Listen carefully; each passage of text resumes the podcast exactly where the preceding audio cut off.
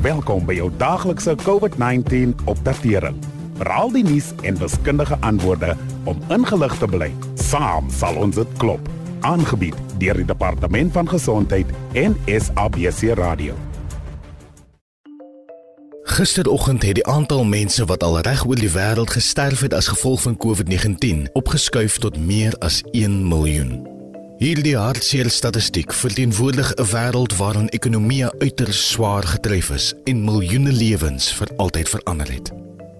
9 maande is verby sedert owerhede in China die eerste keer die uitbreek van die pandemie onder mense se aandag gebring het. Sedertdien het baie miljoene mense hul geliefdes verloor sonder dat hulle eens die geleentheid gehad het om afskeid te neem of behoorlik te rou oor hulle afsterwe. Volgens die rekords wat by die Johns Hopkins Universiteit in die VSA gehou word, is daar geen teken dat die globale sterftesyfer besig is om te daal nie. Infeksies is weer aan die toeneem in baie lande waar maande gelede geglo is hulle kry die pandemie onder beheer. Die VSA verteenwoordig op die oomblik 1 uit elke 5 COVID-19 verwante sterftes in die wêreld. Saam met Brasilië, Indië en Mexiko kom meer as die helfte van al die sterfgevalle uit die vier lande. In vergelyking met baie van hierdie lande het Suid-Afrika goed gevaar. Waar ons eers derde op die lys van lande met die meeste infeksies op rekord was, het ons afgesak na die 10de plek. Maar in vergelyking met die res van Afrika, as ons daarop let dat ons verantwoordelik is vir byna die helfte van die kontinent se totale aantal infeksies, lyk ons statistiek nie naaste by so goed nie. Vandag gesels ons met ons gas vir 'n oorsig van hoe ander lande COVID-19 ervaar het en van watter uitdagings ons bewus behoort te wees en watter lesse ons kan leer om 'n tweede vlaag van infeksies te voorkom. Vir gereelde nuus en inligting wat jy kan vertrou, besoek asseblief die Sikaba iCOVID-19 Facebook bladsy na afloop van vandag se insetsel en volg ons daarso. En vandag is ons gas Dr. Liesel Visser van Kaapstad en ons fokus meestal op hoe COVID Suid-Afrikaners beïnvloed, maar wat van die res van die wêreld? COVID-19 is die mees wyd verspreide en impakvolle virus die afgelope 100 jaar. Daar is wêreldwyd meer as 30 miljoen bevestigde gevalle met meer as 'n miljoen sterftes tot op hede, wat absolute reuse syfers is vir 'n virus wat ons maar vir 10 maande van weet. Nou hoekom het party lande beter as ander gevaar?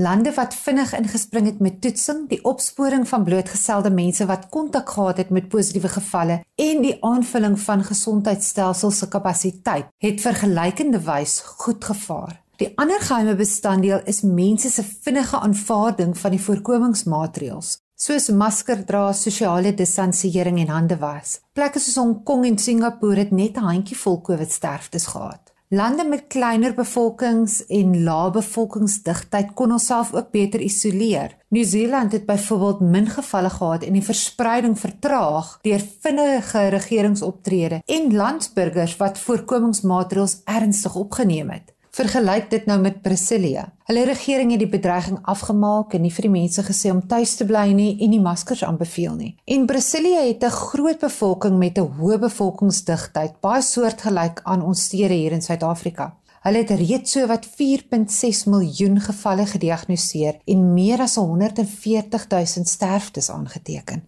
So Liesel talle uiteenlopende ervarings, maar hoe vergelyk ons in met die res van Afrika.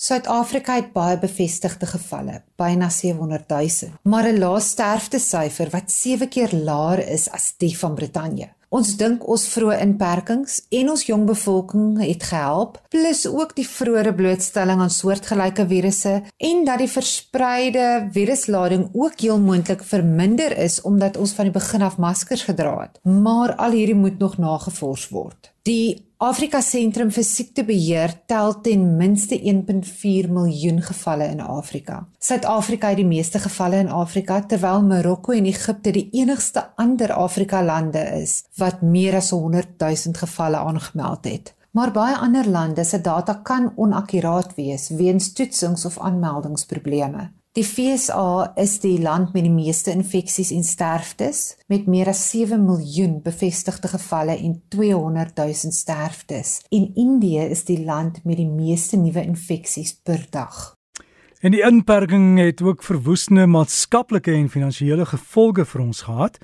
Wat van ander lande? COVID-inperkings het die meeste lande se ekonomieë beïnvloed. Dit het die bedrywe soos mynbou en vervaardiging gestop of vertraag met beperkings op wanneer hulle kan werk en hoeveel mense kon werk, sowel as beperkings op wat 'n mens kon koop. Die meeste grense is of was gesluit wat toerisme en handel wêreldwyd stopgesit het. Selfs in die VSA het miljoene mense hulle werk verloor. As jy kon, moes jy in die meeste lande van die huis af werk en dit op sigself het dramatiese uitdagings tot gevolg gehad. UNESCO skat dat meer as 1 miljard jong mense se onderwys ontwrig is deur COVID-19.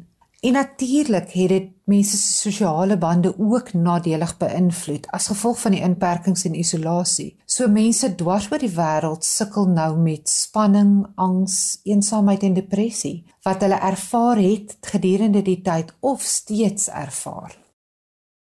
Ons hoor gerugte van wat hulle noem 'n tweede vlaag infeksies. Wat beteken dit?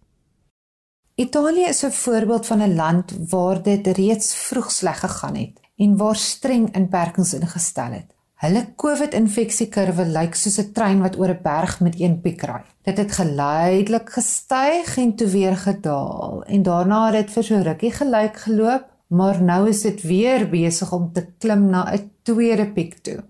Die gevaar van die tweede vlaag is dat dit partykeer baie groter kan wees as die eerste een. Neem Frankryk as 'n voorbeeld waar hulle met hulle eerste vlaag in April 'n maksimum van 7000 gevalle per dag aangemeld het, maar nou sit hulle met 16000 gevalle per dag. Hulle reken dis omdat almal moeg is om maskers te dra en sosiaal te distansieer en die regerings wil nie nuwe inperkings instel nie as gevolg van die geweldige negatiewe ekonomiese impak. So wat kan ons dan by die ander lande leer?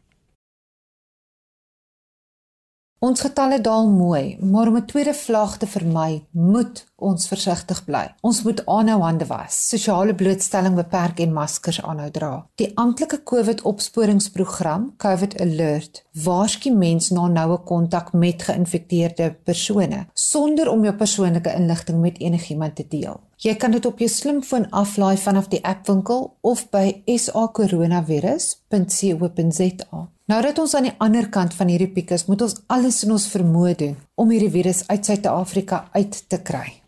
En ons gas vandag was Dr. Liesel Visser van die Kaap en sluit weer môre by ons aan wanneer ons praat oor leerders wat ophou skool toe gaan. Dankie dat u geluister het na die daglikse COVID-19 inligtingstuk aangebied deur die Departement van Gesondheid en SABC Radio in samewerking met die Solidariteitsfonds. Wees veilig, bly gesond. Saam sal ons dit klop. Suid-Afrika.